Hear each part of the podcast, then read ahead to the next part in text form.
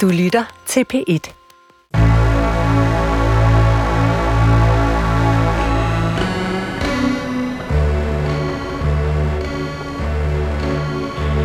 Du har ringet til Hemmeligheder på P1. Tak for din hemmelighed. Vi lover at passe godt på den. Min hemmelighed er, at øh, jeg er racist. Det øh, ville jeg aldrig selv have troet, jeg var. Men øh, det er jeg åbenbart.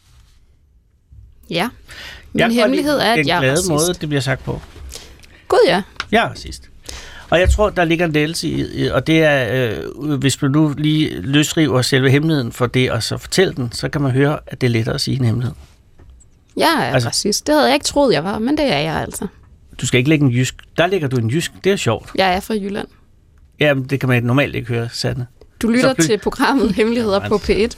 Jeg er Sanne Sigal Belmoyal, du er Anders Lund Madsen, og vi har lige netop hørt en afspillet hemmelighed fra vores telefonsvar, som man kan ringe ind til hele døgnet, hele ugen. Øhm, Også og i helligdag. Selv når Netto lukker, så er vores telefonsvar åben. ja, den dag Netto lukker. Jamen, der står Selv døgnnetto. lukket i Vi er helligdag. mere åbne end døgnnetto. Vi er mere åbne end politistationen inde på Hovedbanegården i København. For der er rent faktisk også en hovedbanegård i Aarhus. Det Du kan ringe ind hele ugen på telefonen 28 54 4000. Du kan også gøre det nu, hvis du tænker, ved du hvad, det kender jeg godt, jeg er også racist. Ja, eller, eller øh, jeg er ikke racist. Det er jo ikke en rigtig hemmelighed, så. Ikke at være racist. Det kommer an på, hvilket miljø du er i. Sandt. Hvor med alting er, Nå, men jeg tror et eller andet sted, alt andet lige, hvis du er i, vokset op i Ku Klux Klan, og bare synes, at øh, afrikanske mennesker er rigtig søde, så har du også en hemmelighed at bære rundt på, ikke? hvis du er den dansker, der er vokset op i Ku Klux Klan, den ene dansker, forestiller jeg mig, Okay, så ring ind til programmet. Det vil sige, det er. Ja. Ja. Det er et meget, meget enkelt koncept. Ja. Hemmeligheder. det er vel ikke engang rigtig godt. Ring ind. Fortæl din hemmelighed til os. Ja, Vi kommer ikke til at, vi kommer ikke til rigtigt at dømme den. Vi kommer, ikke, vi kommer til at snakke Det om kommer da an på, hvad der sker, hvad hemmeligheden er, vil jeg sige. Hvis nu jeg siger, at det er mig, der har øh, invaderet Uruguay, så vil jeg sige, det vil jeg da godt være med til at fordømme. Altså man kan sige, Dårligt eksempel, men altså man kan det er sige, et dårligt eksempel. Man kan Ja, ja, sige, at sidste gang ringede øh, en kvinde ind med en meget øh, voldsom hemmelighed, kan Ja, man sige. sker en, en meget interessant ting sidst, fordi at, øh, at vi sidder og hygger os med nogle hemmeligheder, som er meget gode, men som ikke er så voldsomme, kan man sige. Ikke? Fordi, Det ved jeg ikke. Det, det, er de, det er de gængse hemmeligheder. Det er, Ja. ja. hvis man har en affære. Jeg vil sige, ja, det jeg synes også, ikke, der er noget, der er for småt til det her program. Og, Lad mig det sige det. og jeg vil også sige for dem, det, det var ikke f- for at nedgøre det, men det var bare hemmeligheder, som mange kender fra deres egen hverdag, vil jeg tro. Øh, jeg har det dårligt med, at jeg er tyk, eller sådan nogle ting. Og så pludselig ringer hun ind og siger, at hun synes, de er røvkedelige, vores hemmeligheder, og hun har slået sin mand ihjel. Og det, Og er det var klart, faktisk ikke engang hemmeligheden, for hun havde siddet i fængsel. Hemmeligheden var, at hun var blevet omplaceret, sådan som man gør i det her samfund, for at give folk en færre chance efter Jeg, jeg tror bare, hun selv var flyttet til en ny by. Ja, sådan tror jeg. Sådan Nå, hørte jeg det ikke. Hvorend? Hun var i hvert fald... Hun er i hvert fald blevet... Hun er i en anden by, end Ja. ja. den, hun boede i En før lille by. øh, fængslet. Meget, meget lille. 2200 indbyggere. Det er en flække. Må Ah. man sige det? Jeg tror ikke, Det det er er- en flække, hvis det er 2200. Men jeg tror ikke, det er en by, ret beset. Jamen, Carbex Minde, er det en flække? Nej, men det er i hvert fald ikke en by. Ah, åh, Ja. oh, nu skal jeg passe Du er en by, hvis du er over 500. Sådan er det. Nå, Så får du men et byskilt.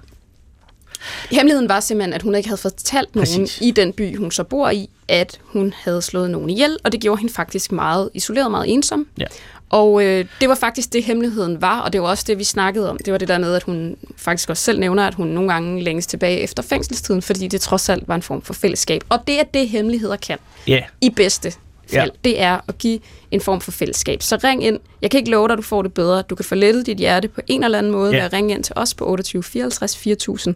Det kan du gøre nu, så kan du komme igennem. Og det tror jeg gerne, du vil, for vi har en virkelig god gæst. Ja.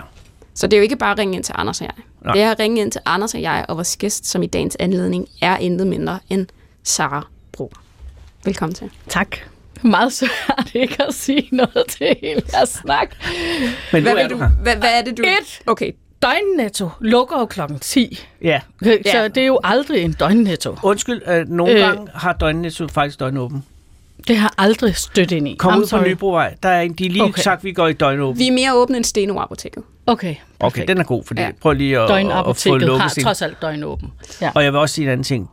De apoteker, der står inde i Steno, hvad end de får i løn, så er det for lidt.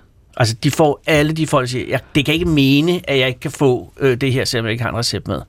De tager alt flanken mm. midt om natten. Mm. Den er hård.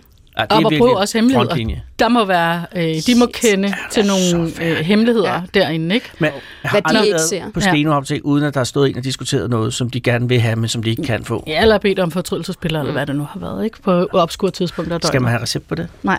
Nå, der kan du se, så går du bare ind og siger. Jo, men stadigvæk. Du kommer ind klokken et eller andet tre om natten. Nå, jamen, du skal Eller- ikke diskutere med farmaceuten, om Du har må få- McDonald's i den ene hånd. Jamen, nu tænker jeg, jeg tænker hemmeligheder, ikke? Det er jo Nå, ikke, det har du der, det er ikke, måske ikke der, man har lyst til at møde øh, en eller anden fra sin arbejdsplads eller nogen andre. Nå, der kan man altid, der har jeg et lille trick, så siger man, at man skal købe den til en ven. Mm. Det trick har de nok set før.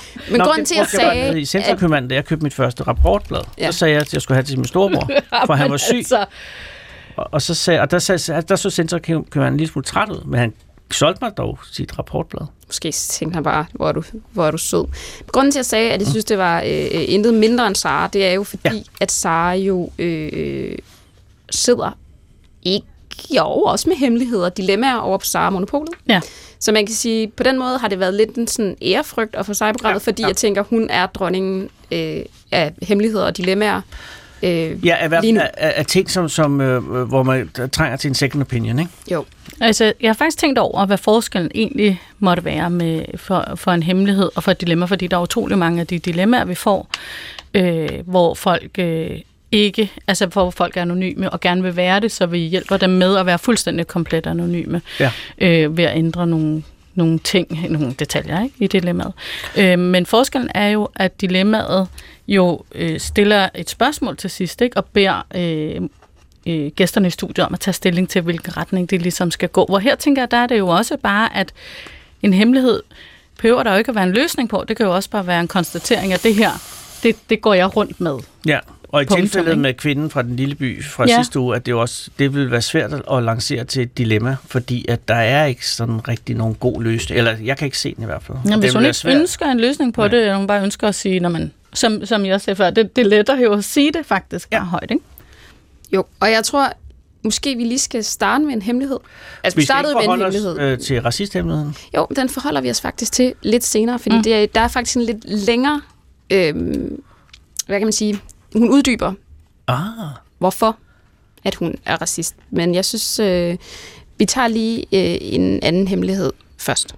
Min hemmelighed er, at jeg som barn, måske 6, 7, 8 år, kom ind på min mors soveværelse og så hende give et blowjob på en mand, jeg ikke kender. Hvad kendte. Det har forfulgt mig resten af mit liv. Det, hun siger til sidst, det er, at det har forfulgt mig resten af mit liv. Og det er jo et meget godt eksempel på noget, som ikke er et dilemma. Det er en hemmelighed, det er rigtigt. som hun har båret rundt på for en anden, jo i virkeligheden. Ja, sin mor. Ja. Øhm, det hun Uh, Jeg ved, det er, ikke, hvis man ikke kunne høre det, hun er gået ind meget- på værelset, øh, forestil dig soveværelset, hvor hun ser sin mor give en mand, som hun ikke kender, et blowjob, der har forfulgt hende resten af livet. Altså ikke hendes far. Eller, som ikke er, ja. Men mindre, ja, altså så bliver det virkelig mærkeligt, hvis det er hendes far. Det kan jo teoretisk godt være hendes far, som hun bare ikke kender. Det kan det godt være. Men ikke- ikke, den den, som person, som, som- moren øh, I rollen normalt... som far. nej, Eller det har i hvert fald kæreste, eller- chokeret hende, fordi det har forfulgt ja. hende resten øh, øh, af livet, mm. og, og det er et voksen menneske. Og man kan sige, det er jo netop sådan noget, hvor man tænker, vi kan, vi kan jo ikke rigtig sige noget, der kan øh, hjælpe hende. Nej. Det kan være, at nogen kender det. Så skal ja. de ringe herind. Helt sikkert nogen, der kender det, fordi det er jo det der med, det der gør det her så ekstra øh, øh, vanvittigt, hvis man kan sige det, er jo, at det foregår derhjemme, forventer jeg, formoder jeg. Fordi noget andet, hvis man forestiller sig, at man pludselig så sin mor stå et eller andet sted øh, ude i byen eller sådan noget, og kysse en, eller give en, og give en ophavn, så, så, så vil det være en mindre øh, chokerende oplevelse, hvis man åbner døren ud til køkkenet, og så står de der.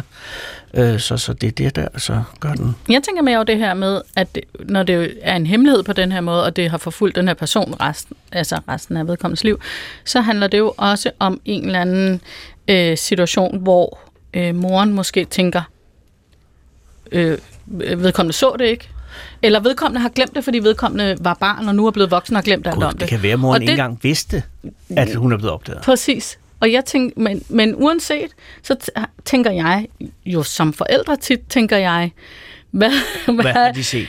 Ja, hvad, hvad, har de set noget, som de ikke er i stand til mine børn at, at give udtryk for, men har de, men kan, hvad kan, altså, fordi jeg kan selv huske rigtig mange ting som barn, så jeg, jeg arbejder ud fra, at børn kan huske lægger mærke til alting og kan huske alting, og man derfor Ja. er nødt til ligesom at ikke gå videre i sit liv og tænke, det glemmer de nok. Men hvad skal, hvad, altså nu begynder at, at gå dilemma i det her, fordi hvad skal man så gøre? Altså, man, det er jo ikke altid, man, altså, hvis nu, man tror, ikke, de har sgu ikke gøre. hørt, at man råbte, vel? Hvis man nu er sådan en, der gør det, for eksempel, ikke? Mm. Skal man så for en sikker skyld sige, at grunden til, at jeg råbte, var bare, fordi jeg var rigtig glad? Eller skal jeg satse på, at de ikke har sagt det? Det spørger jeg for en ven, det her. Jamen, ja, altså hvis jeg kommer til at råbe over for mine børn, Nej, så, jeg tænker mere i en, sådan en, en seksuel situation. jamen det, det har jeg ikke været I opmærksom behøver ikke kigge på mig, for Prøv jeg at har intet svar. Jeg er ikke blevet Du taget i en seksuel, jeg er ikke blevet taget i en seksuel situation. Sådan generelt. Jamen nej, mine børn har ikke opdaget Ah, mig i det en seksuel tror du? situation. Så- Men det interessante Det her er de jo også, at det tror jeg ikke nødvendigvis moren ved. Nej, det, Og det- tror jeg, der og var det er til at den- sige. altså- de har hørt ting, de har set ting. Tror du det? Ja. Det har dine børn, eller hvad? Ja, det formoder jeg.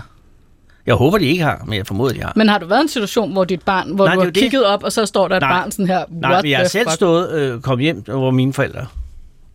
Men altså, det var, jo, Ja. altså, det var jo bare mine forældre, så det var ikke sådan set, det ødelagde ikke mit liv, vel, men jeg, jeg var da rystet et par dage. Du kan da stadigvæk huske det. Jeg kan da stadig huske det. Og hvor gammel er du? Der har jeg været 16. Hvor gammel er du nu så? Nå, 57. Det er da også rigtigt. Jamen, ja, det sætter det er sig også jo. en god portion 40 år. Og nu kender vi jo ikke hele historien bag. Nej, men det lyder som om, der ligger noget i sætningen med, at hun ikke kendte den her mand, som har været, det har været chok-effekten. Ja. Tror for- jeg. Det, Og det, man som barn jo bruger sindssygt meget tid på at sidde og regne ud, hvad for et, hvad foregår der to, hvem er det, og hvorfor foregår det, og så går det op for en, når man er voksen. Åh, det Jamen- der, det er forkert på de her følgende måder, ikke? men også, at der måske er en forklaring, som man ikke kan dømme om. Det kan være, Vi at får den det aldrig at mand, vide.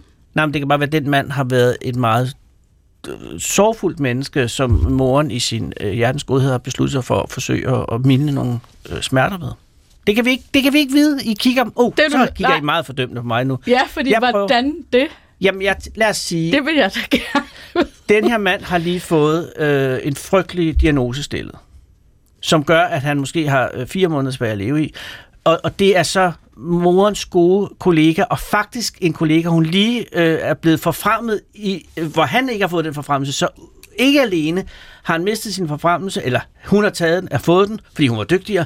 Han har også fået en, en kraftdødsdom. Og, og så sidder han der og græder, og så tænker hun, hvordan kan jeg milde denne mands smerte lige nu? Og så kan hun en ting, som hun ved, at det vil i hvert fald øh, for et øjeblik gøre smerte lidt mindre. Jeg prøver I hvert fald at er det her et positivt spin på umuligt det her. øh, at forklare en 7-8-årig, så det forstår jeg godt, hvis hun ikke har prøvet, fordi det er en fuldstændig vanvittig historie på en hemmelighed, som vi aldrig nogensinde får mere at vide om, end det her. Jeg tror bare, hun synes, han var pissehammerende hot, ham der. Og hun ikke, altså, at der var nogle andre, der burde have stillet op Hot til og noget. dødstømt, Sara.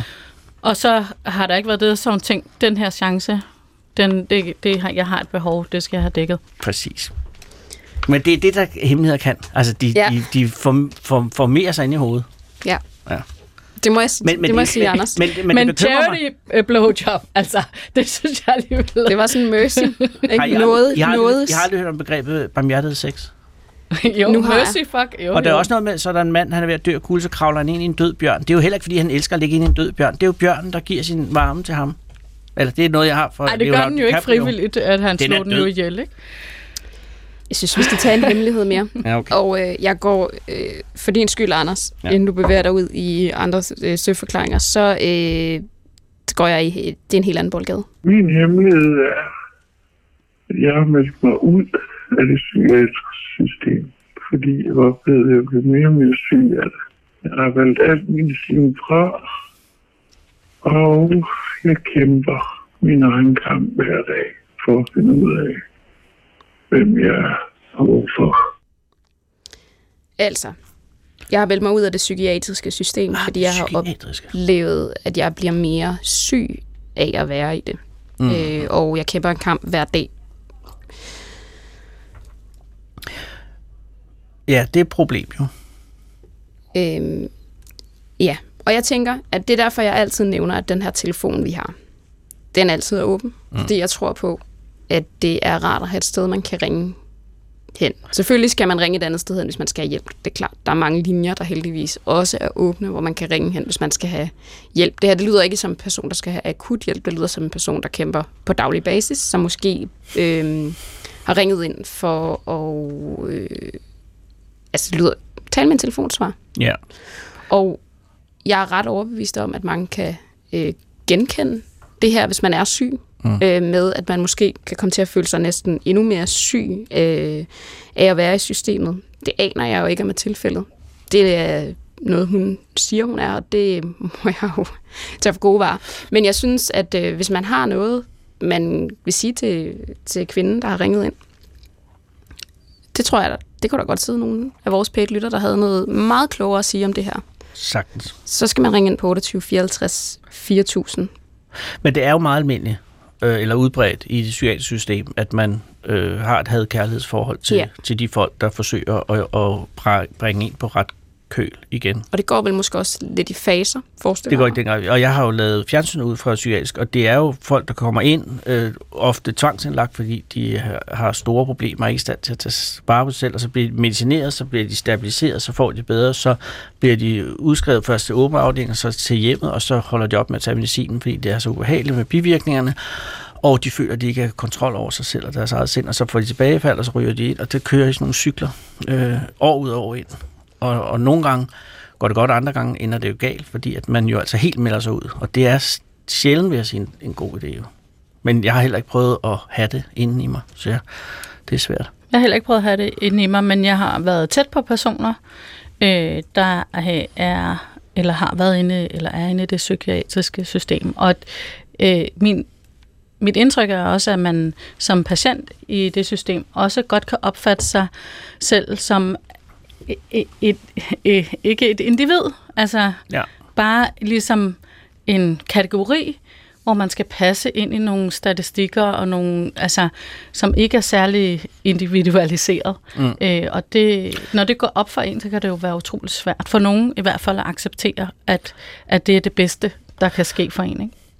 Ja. Og det er heller ikke altid, det er det. Måske er der nogen, der kan finde en anden vej, men, men, men du har ret, det, det, det man ofte hører, det er jo, at, at det er den cyklus der, ikke? Ja, og det er også, det er også fordi psykiatri, der er jo sådan en horunge i, i, hvad hedder det, sygehusvæsenet, fordi det stadig er nedprioriteret. Og så den kæmpe givenhed, når de får nogle penge overhovedet. Men det er bare det der med, at det er altid en dårlig idé at melde sig helt ud, i hvert fald, fordi så har du ingen ting, hvor du har det allersværeste. Og jeg har jo også set en mand gå til, til, til grunde i en grad, sådan, så han endte med at slå to mennesker ihjel, før at, at der virkelig var nogen, som sagde, nu må vi jo så også virkelig tage os af ham.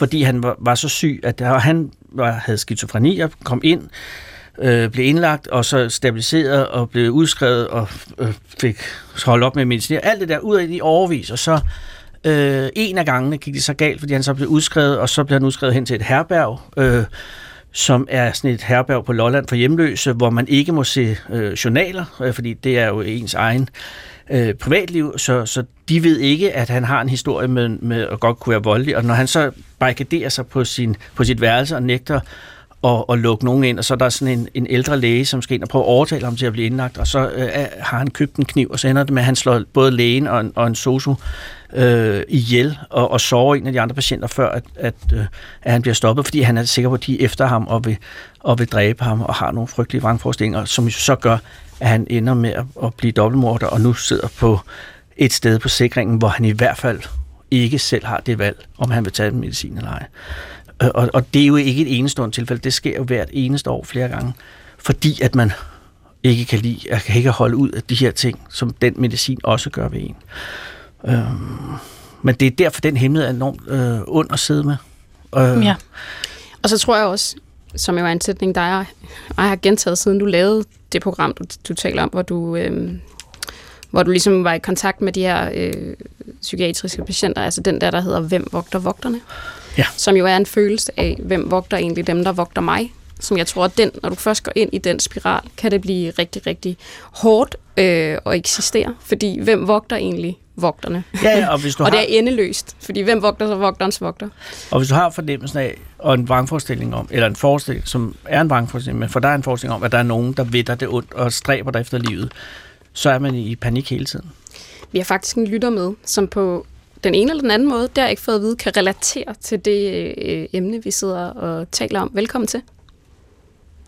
Jo, tak. Øh, nu har jeg ikke hørt øh, det sidste, Nej. I har talt, fordi jeg ringede ret direkte efter at have hørt øh, den person, der ringede ind og sagde, at hendes hemmelighed, eller hans hemmelighed, var, at hun var, han var, det har jeg selv gjort engang. Ja. Og, og jeg ønsker en med det. Hov, der røg, Der røg du lige ud. Du ønsker... Kan du gentage det, du ønsker? Jeg ønsker personen alt muligt held og lykke med det. Ah, okay. Hvordan, Psykofarmaka kan være rigtig, rigtig farlig for nogen. hvordan Det er jo det? benhård. Jamen, fordi det øh, kan ændre din personlighed. Det gjorde nogle ting ved mig, som gjorde mig til øh, en... Altså, det, det gjorde mig mere syg. Ligesom øh, personen taler. Aha. Holdt, øh, holdt Men du det det, som en hemmelighed? gjorde- Undskyld, holdt du det som en hemmelighed? Nej, jeg, nej fordi øh, hvis sådan en hemmelighed, jeg synes, det personen skal gøre, det jeg selv gjorde, det var at lukke en ind i hemmeligheden. Fordi Ja. ja. når man er i psykiatrien, og man får psykofarmaka, Mm. øh, det er der grunden til. Ja. Og derfor så, hvis man kaster sig ud i en hemmelighed, hvor man vender videnskaben ryggen, Ja. og, og, og det handler om øh, psykofarmaka, eller psykiatri, eller spøgelser, eller øh, hvad man kalder det, Mm. øh, så kan det bare være dødsens farligt at stå med alene. Og en ting er at være en grøntsag, og være træt af det, men noget andet er at være død. Så jeg synes, at den der hemmelighed, øh, hun skal holde det som en hemmelighed, eller han skal holde det som en hemmelighed, hvis det er vigtigt. Det var det for mig i starten. Men, men jeg sørgede alligevel for, at der var én person, det var som min mor. Mm. Fordi jeg tænker, altså, hvem er bedre til at holde øje øh, end min mor? Præcis. Så altså, Ja, det er jeg et- ikke råde hende til at, at, at, at, at forsøge det der, hvis, hvis hun er interesseret i det. Men jeg synes, det er en meget, meget farlig hemmelighed egentlig. Jeg, jeg synes, hun skulle lukke bare én person ind i det. Tusind tak eller for dit... skulle. Øh, Fordi ellers så synes jeg, det er meget, meget farligt. ja. Det er nemlig en af de farlige hemmeligheder. Og jeg Altså- tror, du har ret, at det er en god vej at gå. Øh, at starte i hvert fald med at sige det til en. En, man, man stoler på. Tusind tak for dit perspektiv. Mm. Ja. Jamen, øh, altså, jeg synes bare, at det der, det, øh, jeg synes, det er et skide godt program, og lige netop det der, det kan jeg fandme relatere til, og det spurgte jeg om. Og jeg synes, at hun skal, eller han skal prøve det, men, men lige sørge for, at der er en til lige... Fordi Vi håber, at øh, personen, der har ringet ind, øh, lytter med. Og så tænker jeg, hvis der sidder andre derude også med, nu kalder vi det en farlig hemmelighed, mm. som for eksempel at gå af sin medicin, så øh, håber jeg, at de vil tage dit råd med. Du har selv stået i situationen. Det er nok en meget god idé at indvige en mig, i den hemmelighed. for mig gik det skide godt. Tusind tak skal du have. Og held og lykke med alt. Super. Selv tak. Jo, i lige måde. Tak. Skide godt program. Held og lykke med det videre. Tak. Tak. Hej. Jeg er racist. Det er det samme, kan du høre.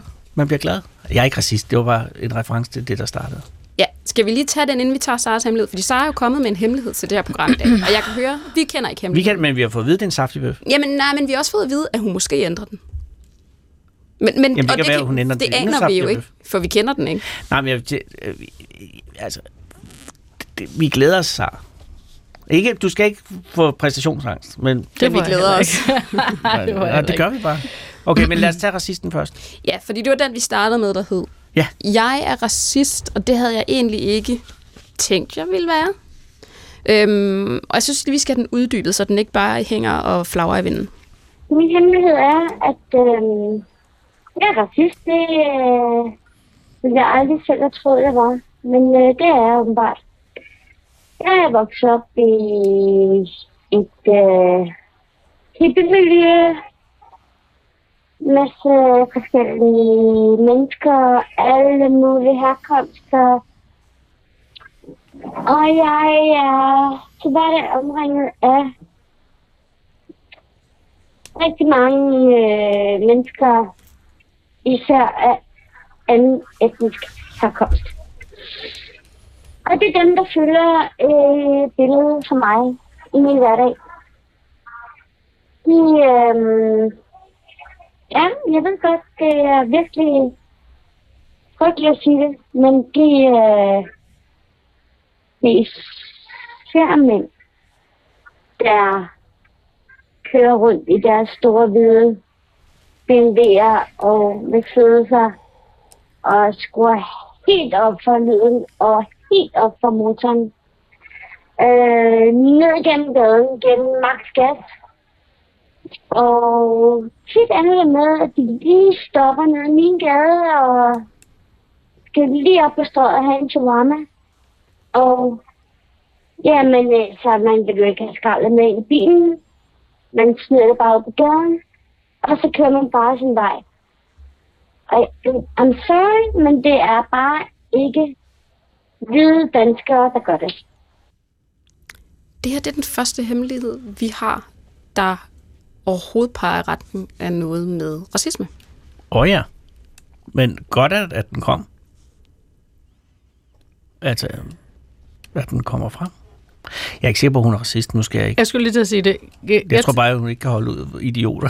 altså, altså det, det lyder som en idiot, der gasser op for en bil og smider sig varme ud af vinduet. Og så, Mere end en... og, ja, og så er det jo lavet, lavet, foretaget en, øh, en egen statistik, og hvilket øh, jo, altså vi jo alle sammen gør på en eller anden måde, tænker, ja. hvad er det, der er galt med den her situation, jeg tænker, og så drager man nogle konklusioner, men jeg tror heller ikke, jeg vil, altså sådan øh, teknisk ikke, ikke en tung racisme, fald, vil jeg sige. Det er men- ligesom hvis den opfattelse, jeg har af, af mænd med meget små hunde. Altså, det kan også blive sådan en hunderacist over. Mm. Men, Men, men det er også fordi, der er skabt en eller anden, hvad kan man sige, det er et meget nemt fjendebillede at tage til sig, øh, hvis der er en hudfarve, som, øh, som går igen. Ikke? Altså hvis der er sådan en tydelig visuel øh, sammenhæng af en gruppe, for eksempel hudfarve, Ja. så, øh, så er det jo meget nemt at sige, når man så er det alle med den hudfarve, der er sådan eller gør sådan, og derfor så er det det, jeg er vred over hudfarven. Ikke? Men det er jo også tit det, der er med en hemmelighed. Altså nu siger hun, hun ringer ind til hemmeligheder, og hun siger, jeg havde ikke tænkt, jeg var det. Ja. Øh, nu stiller vi så spørgsmåls, øh, spørgsmålstegn ved, om hun overhovedet er racist. Men kender I ikke det der med, at man tror, man har en hemmelighed, og så får man den sagt til nogen, og så er de sådan, Ja. Nå det. Nå, det. Mm, ja. Eller sådan, det, mm, det synes jeg ikke er en hemmelighed. Men må jeg lige sige noget, fordi det kunne også godt være at virkelig... Øh, altså ikke at kunne lide folk med BMW'er, eller Ja. ja. ikke at kunne lide folk, der spiser kød. Altså, det er bare for at sige, at der er flere forskellige grupperinger i det, hun har forklaret her, ikke? Øh, som man kunne slå på, og det er jo... Men, men det er jo også, fordi hun er vokset op i hippiemiljø, som hun siger. Og så er det klart, så er... Så kunne man også godt have valgt en antikød. Altså, at hun Præcis. havde Men alle det er folk, det, der der spiser kød. hendes hemmelighed til en hemmelighed, er jo nok, at, at hendes, øh, hendes baggrund er, Nå, at det har været måde, lidt ja. mere farligt at sige det, bare sådan, jeg kan Ja. virkelig ikke holde dem ud i, i BMW'en, og så er alle hippierne op og kører. Hvad foregår der her? Fordi man kan jo sige, at den her hemmelighed er jo også betinget af, hvilken øh, vennegruppe du har, eller hvor, hvor du Ja. befinder Konteksten henne. Altså man kan sige, Ja, øhm, Det er rigtigt. Jeg- Der ville det have været mere kontroversielt at sige, at jeg elsker folk, der kører BMW ja.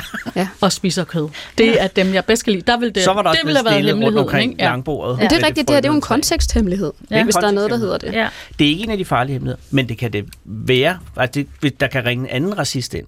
Nå jo, men man kan og sige, kan det det her... være, hvor, man, hvor der bliver helt stille i det her studie, fordi så, det her er jo en hyggeracist, hvis man kan tale om en sådan, ikke? Og man Ja. må også gerne ringe ind, hvis man er, hvis man er ikke bare hyggeracist, så Nej, kan man- man også ringe ind til det her program. Præcis, Men, ja, må jeg lige s- jeg siger lige hurtigt, den her øh, øh, hemmelighed, Mm.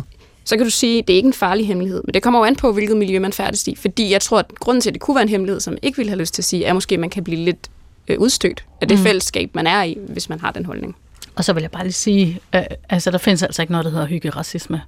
Der er jo ligesom bare racisme.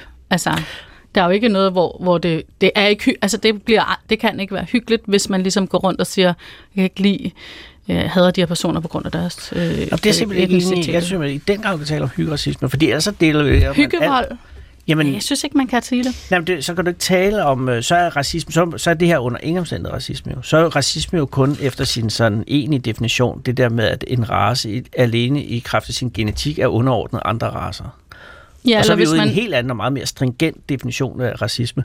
Så er det klart, at i den kontekst kan man ikke tale om hyggeracisme eller noget som helst, men så er der rigtig meget, vi ikke kan tale om, fordi vi udvander og vi kan sagtens tale om det. Jeg synes bare, at man er også nødt til at anerkende, at det ikke er i orden med hyggeracisme. Lad mig sige det på den måde. Man skal ikke tro, fordi man bare kommer med, med siger til en eller anden person med en øh, mørkere hudfarve end en selv måske, at man Nej, nej, så med fortæller på- en eller anden joke om hudfarven, at man så kan sige, det er jo ikke racisme, det er bare hyggeracisme, så det er okay. Det er det, jeg mener. Jamen, jeg mener også, at når du så, hvis du tager hudfarven ud og siger, at folk med meget små hunde er røvirriterende, er også en hyggeracistisk udtalelse i den øh, betydning over. Fordi det er noget med noget, der ikke er så slemt med, at man generaliserer en gruppe mennesker og gør dem til dårlige mennesker i kraft af det, de ikke selv er herover. Er ikke så meget, at de har en hund. Ikke? En hund er man lidt mere herover måske. Nå, men på, ja, ja, fair nok, men, men, men altså, man har valgt at have den her lille hund, som er pisseirriterende, og derfor skal de jo ikke udsættes for min racisme, bare fordi jeg ikke kan lide øh, folk med små hunde. Nej, det er det, jeg mener. Og Men- men, man men skal ikke derfor lovligt er gøre det ved at sige, det er bare hyggeligt. Jamen, Problemet er, at det her, det er jo ikke hyggeligt. Og, det, og man kan sige, at de generaliseringer, hun gør sig her, nu gør hun dem jo i en hemmelighed. Mm. Så fred være med det. Send dem ind til os. Så kan du ligesom komme af med det. Men problemet er jo, at de, de er generelle, og det er fordommen, og det bliver til et strukturelt problem, når man går rundt og genererer de generaliseringer. Altså, så bliver det jo en stigmatisering, og så bliver det et strukturelt problem. Så jeg Jo, jo, men også sige, du er, Ja. ja. du er faktisk lidt, lidt racistisk. ja, mig. Fint nok. Ja. Men Lad det er os, så ikke øh, hemmelighed længere. Nej. øhm, Bum. jeg synes faktisk, vi skal tage Sars hemmelighed. Men er, er vi klar? Vi er der, ja. Mm. Er det fordi, du føler dig ikke? Nå, men, nej, det er fint nok. Men er du klar så? Men jeg, jeg, er lidt i tvivl. Ja. Kan vi lige tale om det lidt, inden Ja, jeg det kan jeg bestemmer tro, mig? vi kan. Den, den? ene, den ene er sådan en klassisk hemmelighed. Den anden er sådan en, den anden er sådan en øh, hemmelighed, hvor at, øhm, altså hvor at, hvad kan man sige, er det noget, jeg er bange for at blive fordømt for? Ah, den er jeg meget interesseret i. Det er jeg faktisk underligt også meget interesseret i. Men så eksisterer der et før og efter, at du har sagt en af de hemmeligheder for en af Godt spørgsmål? Anders. Det er rigtigt. Ja, det, det, Så vil vi øh, gerne det have gør det. det. Det vil gerne, okay, men så, Ja. okay, men Er det så den klassiske hemmelighed, eller Nej, er det den anden? det er den anden, og det er jo fordi, at det også er lidt politisk. Øh, og det er jo fordi, at det også er lidt øh, øh, på en eller anden måde sexistisk, eller øh, øh, ja. Jeg kan slet ikke til- øh, regne ud, hvilken til- retning vi er Jeg på grund til- det her. Grunden til, at jeg har holdt det her som en hemmelighed, øh, det har været øh, simpelthen fordi, at jeg på et tidspunkt i starten af min 20 gik op for mig, at det her var noget, der ligesom kunne forandre folks syn på mig, Ah. hvis jeg fortalte dem det her. Nå. Og derfor så holdt jeg op, Op med- med. at være ærlig omkring det her. Og jeg tror, det øh, på grund af mit arbejde på øh, Sara Monopolet, så er jeg gået op for mig, at det, at det er noget, der generelt er tabuiseret. Kan Det det, er her meget, også meget ændre vores syn på dig? Ja, tror jeg. Men det er jeg også okay. nysgerrig for. Og Men- der håber jeg, at I to vil være ærlige og sige, om det faktisk ændrer jeres syn, og ikke bare den politiske. Nej. Øh, og nu, nu Må jeg taler sige vi det sådan, at du kan se det på Anders ansigt med det samme? Jeg tror, jeg er lidt bedre til, hvis det er, du kan se det på Anders Ja, det samme. Sanne har jo mm. generationer på generationers træning i Stoneface. Men, men øh, du kunne mærke Men ja, nej, jeg lille det. citron. Ja, nej, jeg lover det. Øhm, og det er også noget med, når man har børn, så har man jo, og det vil jeg faktisk også bare også indlede med at sige, at det gik op for mig, øh, da jeg fik børn, hvor utrolig meget man begynder at lyve for det første, og på mm. den måde også begynder at holde utrolig mange hemmeligheder for sine børn, Ja. ja. hvor man nærmest lever sådan et dobbeltliv, hvor man mm. bliver virkelig god til at sige sådan nogle underlige sådan, replikker, hvor man bagefter sidder og tænker, hold da kæft, køb det den. Altså, Ja, fordi prøv at forestille dig, at dit barn ringer og spørger, hvordan du egentlig har det. Det gør børn jo aldrig. Nej. Hvis de nu gjorde. Ja. Og så de sige, prøv at høre, jeg har haft en ræd, som nu skal du høre. Altså, det, man, det gør man jo ikke, så Ja, man man lyver og dem siger. Man "Det skåner været dem jo hele tiden." Så kom Carsten for, han var, det var fint. Og sådan noget. Altså, man, man fortæller dem jo ikke sandhed. Nej, de spørger heller ikke rigtigt. Nej, de det er spørger, det har du haft en god dag? For det har trænet dem i at være sådan et, det, det er høfligt at lige Ja. spørge ind til folk. Men Reelt er de ikke interesseret. nej, ikke rigtigt. Ikke Men- i sandheden heller, vel? Nej, men Nej. vi er interesseret i, i, i det her. Nå, men det Og handler... jeg lover også, at vi, ikke, vi, vi lyver ikke for dig efterfølgende. Okay.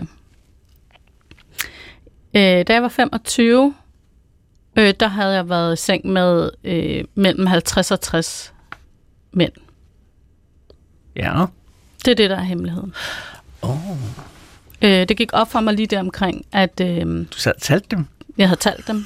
Jeg havde lavet en liste og talt dem. Havde du og da jeg, prioriteret? og da jeg så øh, mødte en øh, fyr på det tidspunkt, som jeg blev forelsket og fortalte ham det, så gik det op for mig, at det er ikke ligesom...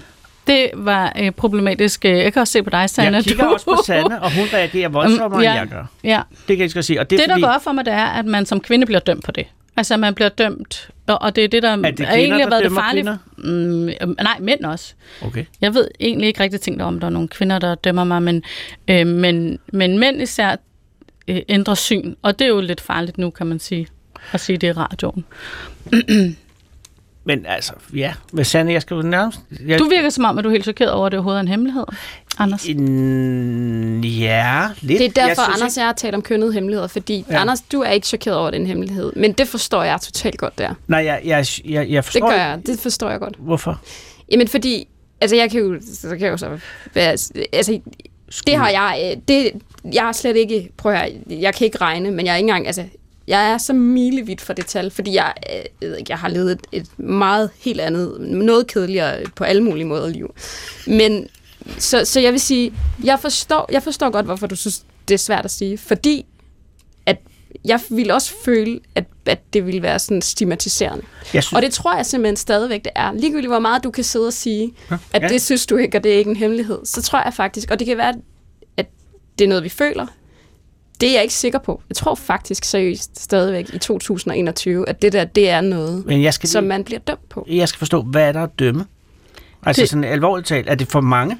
Det er for mange, ja. Okay, så du er sådan en, der har været let på tråden? Ja. Er, er det det, der er og det er jo underteksten? det, bare det der øh, øh, udtryk, det synes mm. jeg jo ikke, jeg Men har kan man været. have, altså er, er det, er det, med mindre du har bedraget alle med hinanden og kørt sådan et vanvittigt dobbeltspil, hvis du har haft en nogenlunde adskilt forhold til dem, så kan jeg Jeg har ikke haft se... forhold til mange af mig, og ikke kunne nå at have forhold til, da jeg var 25. Det var på, jeg var, Men jeg altså, jeg, bare, jeg, med tror, jeg, mist, altså, jeg tror, jeg havde min seksuelle debut, da jeg var 15 eller sådan noget, så det var på 10 år, kan jo ikke... Nej, men jeg tænker, Åh, grund til meget korte en forhold. hemmelighed, det kunne være en Og hemmelighed. hvad er et forhold? Men jeg synes, men jeg, altså, og, Mange af dem er one night stands. Og nu har jeg besluttet bare at sige, ligesom som men jeg det er. synes det, og men det, altså, hvis du nu havde haft en kæreste, Sara, ikke? for du var 15, du var 25, og så har livet havde været i seng med 60 mennesker, så kan du se, der er en Mellem hemmelighed at holde 50 der. og 60. Nej, jeg synes bare det, og det, det, det her, det lyder, 58. Anders, det er vel 58, ikke? Altså, det er vel ikke 51. 55. Nå, okay, fint.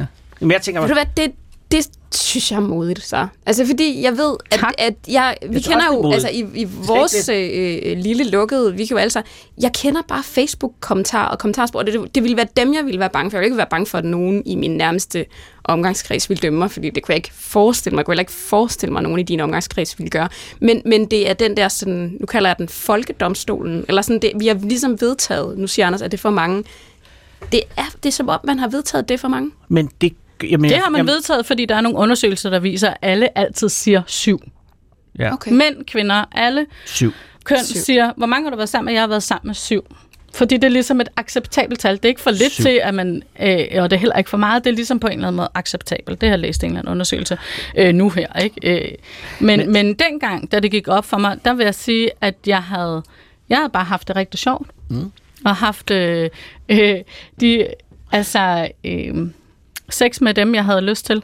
Og det gik ret sent op for mig, at det var der et problem i, øh, fordi jeg var kvinde, fordi at jeg jo kiggede på en mand, som havde måske havde været i seng med stort set lige så mange, og han synes det var et problem. Og det har du oplevet. Ja, det har jeg Men oplevet. det er jo et ekstremt moralsk hemmelighed, så altså. Det der Ja. med, at, at, øh, at, at det er jo nærmest sådan en gammeltestamentlig øh, Det hemmelighed. lyder det er helt bibelsk. At, at du, men det- alt, hvis man tager moralen ud af det her, så er det jo godt, hvis, hvis du for eksempel er klaverspiller, så skal du spille meget, ikke? så bliver du bedre til at spille klaver. På den måde vil det jo også, altså hvis du Det er ikke sikkert, at det er sådan, når det er one night stand, så man nødvendigvis bliver bedre til det. skal spille mange forskellige klaverer, jeg ved ikke om...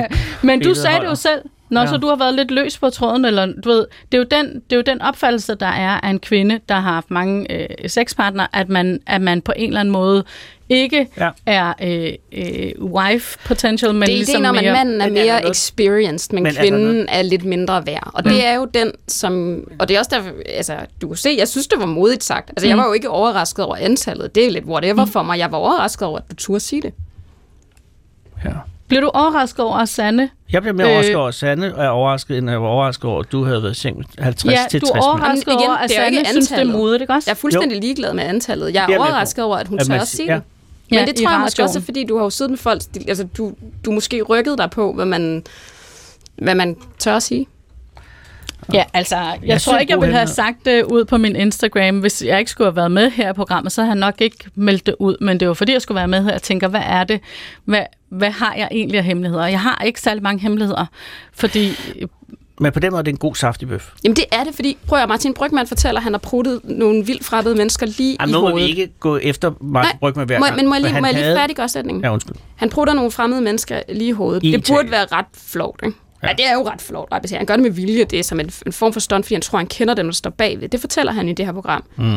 Og jeg er jo ikke på nogen måde øh, chokeret. Det er en sjov historie. Det er også pinligt. Men det er jo ikke, det er jo ikke at han er modig for at fortælle al ære og respekt for Martin Brygman. Præcis. Men her, der, der synes jeg, at... Øh, og så må man sige, hvor, hvorfor egentlig det? Det burde jo ikke være en hemmelighed. Fordi nu siger du, hvis vi tager moralen ud, whatever moral, altså hvad er der overhovedet moralsk ligesom, i det her? Jamen, åbenbart en hel del, sådan, Ja, der bliver helt åbenbart. stille. Ja. Men det burde der jo ikke være. Der er, ikke noget, er der noget moralsk forkert i at være sammen med Hvis 50? jeg, bare jeg havde været sammen med 50-60 seksuelle ja. Ja. partnere. Jamen, det var, det var der, jeg stod, da jeg kiggede på Sara og tænkte, Altså, hvad det, fanden lavede jeg fra 15 til 25? Ja, det der gad var- jeg. øh, Jeg lavede for lidt. Ja, åbenbart. For lidt. Ja, men nu er den hemmelighed ude. Mm. Hvad med den anden? Ej, Det tænkte jeg også over. Ej, men jeg vil da godt have den. Du fik en saftbøf, så vil jeg da også godt have en du synes, saftbøf. det var kedeligt, at jeg Nej. sagde det her. Jeg kan godt Nej, mærke, at du er lidt skuffet over, at det overhovedet er en hemmelighed. Og der tror jeg bare, der skal du Jeg er ikke skuffet. Jeg er educate aldrig yourself. Har du ikke principielt- døtre? Jo, jeg har fire. Der tror jeg bare, man skal måske... Altså, Vil du have Men- ringt til Bjørk, når du kommer ud af radioen? men jeg tænker over øh, det, det her med, Ja. ja. øh, om man er privilegieblind, ikke? Ja. At man kan tit se, man kan tit se dem over en, der har flere øh, privilegier end en, men man har måske lidt svært ved nogle gange at se dem, der har færre. Ikke? Og det tænker jeg, når du ikke ser det her som noget, så er det fordi, du simpelthen aldrig i dit liv har været udsat for, at der er nogen, der ligesom øh, løftede et øjenbryn og sagde noget Ja. Det kan være, om du har din været udsat for der det handler om dit køn. Altså, Jeg hvis du har sagt... For, for Ja. få? Ja. Ja. Jamen, det kan sagtens være. Ja, det er faktisk, der er et offer lidt der. Nå, det kunne du jo potentielt være. Jeg ved ikke, om det er sådan, det forholder sig. Altså for Nej. mænd, at, at det er for lidt. Det tror jeg øh, ikke er så sådan. Jeg tror ikke, det er helt så firkantet. At, altså, at mænd fordømmer andre mænd, der ikke har været i seng med nok kvinder. Ja, det kan godt være. Det ved jeg ikke. Men, men er kan du være ærlig at sige, at du aldrig har været i en situation, hvor nogle øh, mænd eller kvinder har talt om, at nogle kvinder har været sammen med for mange for deres smag? Ja, fuldstændig ærligt. Det har jeg ikke været i en situation. Niks. Jeg har ikke været udsat for, at nogen har siddet og tænkt, at hende der, øh, Ulla, hun er godt nok... Øh, Løs på tråden. Ja, Ulla Randemaske. Det har kun været som en, som en, en vits fra gamle dage. Det er ikke noget i virkeligheden, nej. Jeg har altså oplevet det. Jeg har Altså også andre tale det. er om så andre. satans det har jeg altså også. Jamen ikke kvinder, der også. Især mænd. Nå, det, ja, det har været mænd, jeg har det hørt tale om kvinder den måde. være i det? Især da jeg var yngre. Og også at dele dem op, i, ligesom de, Altså- her, de her kvinder, der har været sammen med mange, dem kan man godt gå i seng med, men man kan ikke have et forhold til dem. Og de her, der har været sammen med få, det er nogen, jeg kan se muligt at blive gift med, eller have et forhold til. Åh, Det, det, altså, den opdeling har jeg observeret. Ellers så ville det jo ikke være noget, Det jeg havde holdt skjult. Nej, nej, det kan jeg godt se. Det, men det er bizart at lave den opdeling, jo. Ej, jeg gad... Kan man ikke lave en afstemning? Der er godt. mange lyttere, der synes, Jamen, at, det, at men, men øh, du har det er en ret. hemmelighed, at man burde fordi holde det er jo dig, der, du har sagt det til nogen, og så har nogen sagt, hold da op, Sara. Mm. Og så, og så, Så, så har jeg ja. læst om andre, der har gjort det også. Ikke? Nå, Og hvordan har du det så noget. med at øh, have fortalt den nu? Det har det skidt med. Jeg, øh, det har jeg totalt skidt med. Nej, og hvorfor? fortryder det. Nej, Det var jo ikke nødvendigt jo at fortælle det. nej, sådan må Øh, du ikke have det jo. ikke- nej, du skal have det bedre. jeg føler mig slet ikke lettet, og, jeg, og fordi du slet ikke forstår, Anders, at det er noget, som... Nå, som men så er det jo endnu mere interessant. Ja. Ja. Altså, så er det jo endnu mere vigtigt, du gør det. ja, mit liv ville måske have været bedre, hvis jeg ikke havde fortalt det her. Og det, det vil ikke gøre din hemmelighed mindre. Nej, det er ikke for at gøre den mindre. Det er mere det der med, at der, at der ikke er en forståelse for, at det faktisk er noget, man bliver, øhm, der, at, man, at man bliver nødt til at holde hemmeligt. Jeg- kan sagtens forstå det. I, i den øh, virkelighed, som du beskriver, at det, øh, kan det være nødvendigt at holde det hemmeligt. Yes, det kan jeg sagtens forstå. Men du kender ikke den virkelighed. Men Det synes jeg bare, det Nå, ser det- også underligt i den virkelighed, jeg beskriver. Men, nej, men jeg det synes er jo, det er sikkert, virkeligheden. Og det er sikkert virkelighed. Det er helt sikkert mig, som er forkert på den. Jeg tror faktisk... oprigtigt talt, Nej, men jeg. oprigtigt, når jeg tror, når du åbner din Instagram, så vil der være rigtig mange, der har skrevet, at det var dejligt, at du sagde det. Så, men, men det kan jeg jo ikke vide. Men det er en ting, jeg antager. Fordi den virkelighed, du kender, kender jeg rigtig godt. Tak, Sanne. Jeg, øh, skal, vi gå, skal vi gå på en ny hemmelighed? Ja, ja. Jeg har en her. Hej. Øhm, jeg har noget, der har været hemmeligt i mange år, øhm, som er, at jeg har været udsat for seksuelle overgreb, da jeg var barn. Og min familie fandt ud af det dengang, og min, mange af mine venner ved det i dag. Men det, som ingen af dem ved, eller en af dem ved, er, at det er min bror, der har været med til at udsætte mig for dem. Så altså en kvinde, der er blevet udsat for seksuelle overgreb, og hun har fortalt det til nogen, hun kender. Men det, hun ikke har fortalt, er, at det også har været hendes bror, der har været med til at udsætte hende for de her seksuelle overgreb. Og det er jo der, når vi åbner vores telefonsvar, Mm. at når man lytter til den telefonsvar, så ved man aldrig, hvad man får. Og det her, det er jo en af de der virkelig hårde, der sidder lige i solar plexus. Øhm, hvor jeg også tænker, og det lyder så også som om, at den her person er kommet videre og fået måske også noget hjælp, håber jeg. Ellers kan jeg altid anbefale at opsøge hjælp. Øhm, men, men det her, det er jo en af de der sådan virkelig sådan øh, tunge hemmeligheder, som jo er svært for os at sidde og tale om, fordi jeg tror, ingen af os kan relatere til det. Men hvis der nu sad en derude, så ville det være virkelig dejligt. Skriv ind, ring ind, også selvom de ikke når det nu, fordi der er ikke så lang tid tilbage i programmet. Nej. Så skriv ind, eller ring ind med en kommentar til lige præcis den her hemmelighed. Fordi det vil, den hemmelighed vil være rar ikke at stå alene med. Ja. Og her er hemmeligheden så, at det er hendes øh, egen bror, som øh, altså ikke er overgrebet, men at det er ham, der har begået det.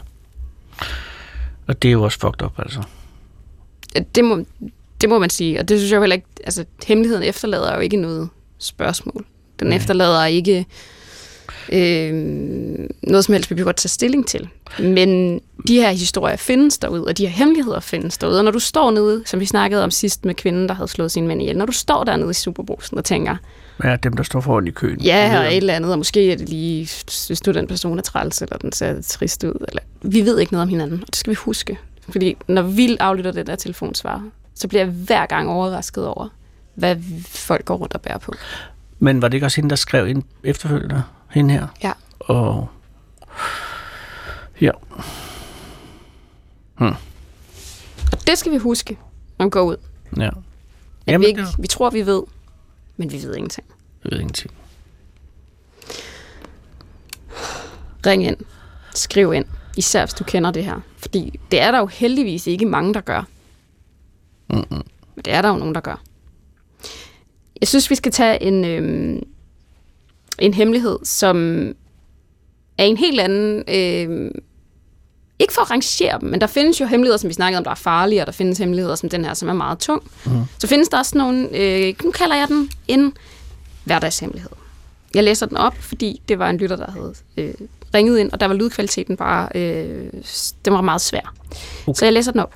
Jeg har en hemmelighed over for min kone. Når vi om aftenen sidder i sofaen og skal til at se det sidste nye afsnit i den spændende serie, som vi følger med i, så er det sket, at jeg allerede tidligere på dagen, fordi jeg ikke kunne vente, allerede har set det afsnit, som vi nu skal til at se. Og så sidder jeg der sammen med hende igen, og skal til at se den samme episode, som jeg lige har set. Og derfor så har jeg udviklet en form for teknik til, i den rette dosis, at gætte forkert på handlingen, for ikke at afsløre min hemmelighed. Og det er jo en, det er en hverdagshemmelighed. Ja, det er. Ja, det må man sige, det er. Altså spørgsmålet er, hvor stor er hemmeligheden? Ja. Ikke så stor, men det er den jo i, i den relation, for jeg kend, alle, det kender alle, der er et par, det her. ja, jeg har aldrig gjort det. Der bor sammen i hvert fald, ikke? Jo, selvfølgelig har jeg alle har gjort det, ja. Jeg har også gjort det. Men det er jo et symptom på noget større, ikke? Det tror jeg nemlig også. Jeg synes i hvert fald, man, at den lytter, der har skrevet, skal jo i hvert fald være opmærksom på, om det her er et symptom for noget større, eller en tendens, vedkommende har i Mhm. mm-hmm. forholdet. Hellere at ville lyve, end at være ærlig. For helt ærligt, øhm, det, det, altså helt ærligt, Ja, det, helt det, er jo en, en, Jamen, det er jo et afsnit, du har set af en serie, som du kunne ikke lade være. Og hvorfor er det, du ikke se? Hvorfor vil du hellere lyve, end at bare sige det? En Altså tænk ja, gang, du vil hellere, du vil hellere lyve over for din kone eller din kæreste, end at indrømme, at du har for svag en ryggrad til at vente med at se og prioritere Men det, det- samvær med hende. Jeg, jeg synes Han vil, se, han vil jo have, at hun skal se ham som, som, som den mand, han åbenbart ikke er længere. præcis, Ja. ja. han er jo ikke den mand. Hvorfor kan han ikke bare stå ved, hvem han så er? Det er hårdt. Men det er jo det store spørgsmål. Jo, Og jo. jeg håber, Og han det- lytter med, fordi det er jo Jamen, rigtigt. Det starter jo også en syndflod af løgn, ikke? Fordi nu skal han til at øh, opøve øh, små fejl. Han siger, at han har, op, han har lavet en teknik. Ja, ja. Og det stopper jo aldrig. Men jeg, ja, Jamen, det gør livet vanvittigt indviklet. Det er fuldstændig øh, indlysende Jamen, og, og for hvad? for at opretholde billedet. Af hvad? Af, af, af, af, af, af den drøm om dem, der sidder og ser serien samtidig. Fordi det gjorde de engang. Ja, for det er det der. Det er det med en gang. Det gjorde vi en Og nu gør vi det ikke længere. Nej. Nu ser vi forud. Ja, fordi... Hvor er det frygteligt. Nå, men den kan den, Man må Jeg vil, jeg vil bare sige, jeg kommer Så i hvert fald ikke ikke overdrive det, fordi det kan også godt være, at man overfortolker, at han Ja, bare... men jeg vil bare sige, jeg vil ikke, jeg vil ikke godkende at sige, at det er helt i orden, det gør vi alle sammen. Det, det kommer jeg ikke til at sige om den der slags. For selvom det er bare en lille hverdagsting, så er jeg nødt til at sige, det er stadigvæk et valg, vedkommende har truffet, om at ikke at ville vente på at se det her. Altså, det er en helt lang række af prioriteter, det her. Ja. Øh, og det, det tror jeg godt, man kan bruge det som udgangspunkt for sig selv og sige, okay, var det så vigtigt for mig at se det inden, og derfor være nødt til at lyve? Kan det være en måde at få spænding ind i forholdet på? Det kan det jo også være, men så må man jo bare anerkende det. Så må man sige, det er den, jeg går med, men Så skal man sådan fem minutter ind til, at jeg har set det. jeg Hvad vil, vil du gøre ved det? Jeg vil, Nå, så kommer sådan noget dominans ind. jeg, vil, jeg vil udfordre vedkommende at sige, vær ærlig over for din kone og fortæl om alle de gange, du har løjet om det. Åh, oh, det er hårdt. Det vil, det, vil, det vil jeg gøre. Jeg vil udfordre vedkommende at sige, gør det. Gør det. Og så er der jo en sandsynlighed for, at det starter en helt anden. Ja, så ender, så sidder man Hemmelighed. nede i familieretshuset, ikke? Måske. Nå. Måske siger hun bare, ved du hvad, jeg har også set dem. Ja, måske sidder de Og begge to så? og lyver. Wow! Puh, så eksploderer hovedet, ikke? Fordi hvis de begge to lyver, så sidder de og ser filmen for tredje gang. Så kan man jo håbe, at de tænker, hey, lad os gøre noget ved det her. Lad os få det øh, mere nice, end at vi sidder og lyver om, at vi ikke har set en serie, i stedet for at gøre noget ved vores åbenbart løgnagtige parforhold. I don't know, altså. Jeg synes, det er utroligt interessant. Ja, det er ikke det, du siger. Det er mere løgnen i sig selv. Vi Ja. skal faktisk til at runde af, og jeg vil øh, sige tak til Sara, som jo nu desværre sidder med en Ej, lidt din dårligere fornemmelse. Jeg, jeg Øhm. bringer min dybeste undskyldning. Det var ikke, fordi der var noget galt med din hemmelighed. Jeg er bare, jeg er Jeg bare føler ked af, at ikke, det er noget nødvendigt, galt. at det en hemmelighed. Ja, Det er det eneste. prøv at det er jo ikke, fordi jeg opfattede, at du synes, der var noget galt med den.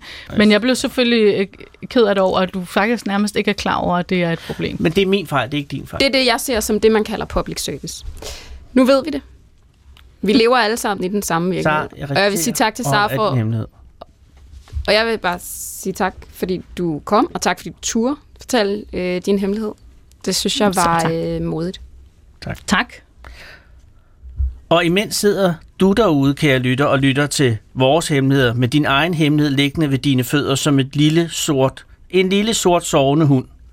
Og du ved, den er der, for du kan lugte den, og det er rigtig længe siden, den har fået frisk luft. Men det er okay, for så længe den sover og ikke gør væsen af sig, så er alting, som det skal være, i hvert fald lige nu. I hvert fald i dag med. Og så må vi se i morgen, om den skal klappes eller fodres, eller bare have lov til at sove videre. Den skal nok bare have lov til at sove videre, for hemmeligheder har det bedst, når ikke de bliver puret. En vågen hemmelighed vil ud og løbe, og den kan finde på at gø, og måske endda lige frem bide, og alting er pludselig farligt og anderledes og umuligt at kontrollere. Men du ved nu, at du kan lufte din hemmelighed hos os her på telefon 28 54 4000.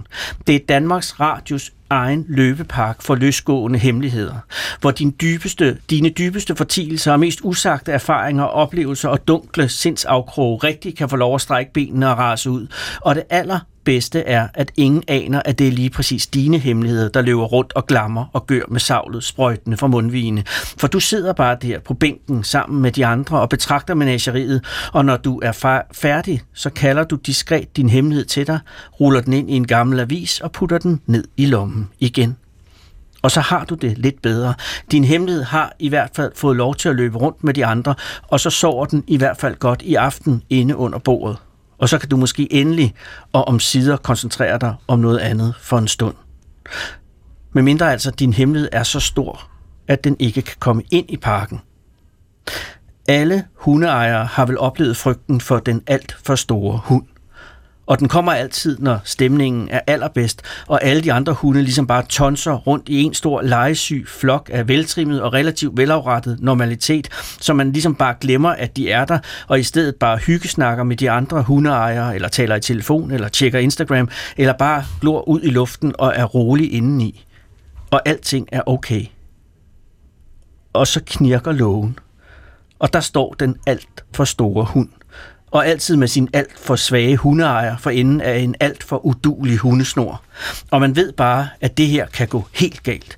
Og pludselig bliver alle hundeejerne smerteligt bevidste om deres hund, blikke farer op fra telefonskærme og søger parken rundt for at lokalisere og ikke mindst sikre sit kæledyr, før kaos bryder frem bag Kinabugtens kaj. Og alle overvejer som vanvittige mus, hvorledes de lydløst og på magisk vis kan kalde deres kæledyr til sig, få karabinhagen sat i halsbåndet og hurtigst muligt forlade parken diskret og uden at vække opsigt og det må ikke kunne ses, at frygten er flyttet ind i hundeparkens folk, for den alt for store hund kan lugte frygt, og lige nu står den bare der og glor dumt på en afblomstret hyldebusk, men hvis den får færden af redslen, der koger i den hundepark, så slår instinkterne ind, og så eksploderer den måske i et vulkanudbrud af tøjlesløst rejseri, og så er der intet tilbage af alt det normale og rolige og begivenhedsløse hyggeri, der for et sekund siden omfavnede alle og gjorde verden spiselig.